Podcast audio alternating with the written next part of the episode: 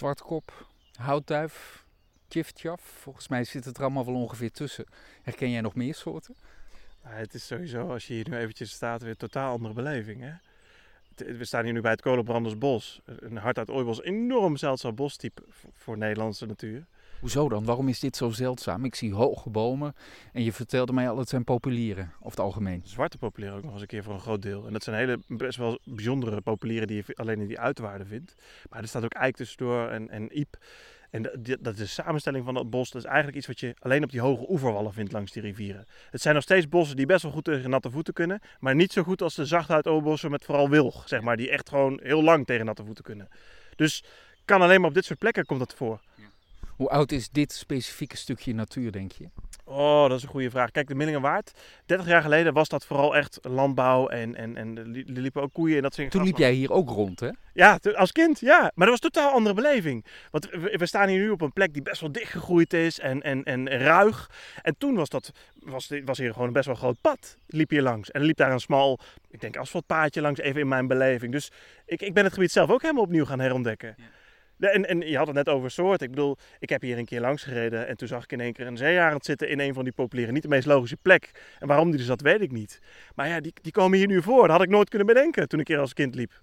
Nee, wat dat betreft is het een beetje een droom misschien wel die is uitgekomen voor je. Nou, Als, als natuurliefhebber gebeuren hier wel heel veel heel bijzondere dingen die, die, waar je alleen maar over kunt dromen. Ja, zeker wel. We begonnen vanochtend op de plek waar de machines nog wel bezig zijn.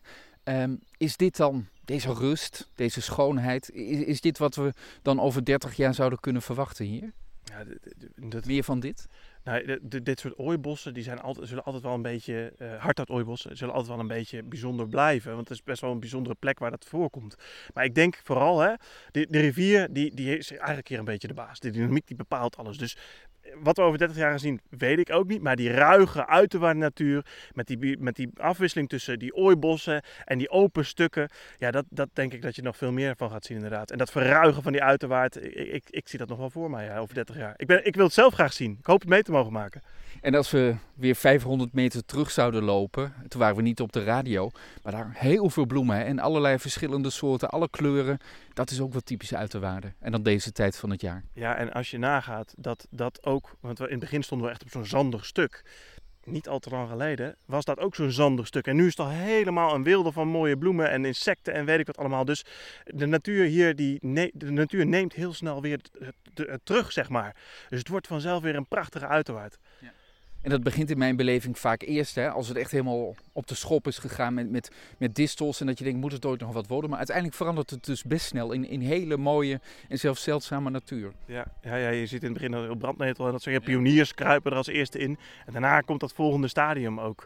En omdat hier ook al best wel veel bijzonders groeit, die zaden verspreiden zich. En uiteindelijk is het ook een mooi zaaibed voor die bijzondere soorten. Dat het weer een hele mooie, bijzondere rivieruur mag worden. Volgende week, hè, dan is de opening van eh, het hervormde gebied. Ja. Klinkt bijna gelovig, maar zo bedoel ik het niet. Nee, nee vanaf 11 uur is het eh, een formeel deel waar iedereen ook bij aan kan sluiten. En om 12 uur zijn er publieksexcursies en dan kun je met mij meewandelen. En dan gaan we lekker struinen door de uiterwaarden, de, de luisterroute beleven. Onder andere bij dit Kolenbranders bos langs. Dus kom vooral langs. Zijn die machines die we dan aan het begin van de ochtend hoorden, zijn die dan ook al klaar of zijn die toch nog wel even iets langer bezig? Het laatste deel is eind dit jaar afgerond. Precies, dus daarvoor nog heel even geduld. Maar hoe dan ook, die opening dus eh, volgende week zondag al. En het is hier prachtig. Ja, kom maar lekker genieten, zou ik zeggen. Dankjewel voor een mooie ochtend. Geen dank.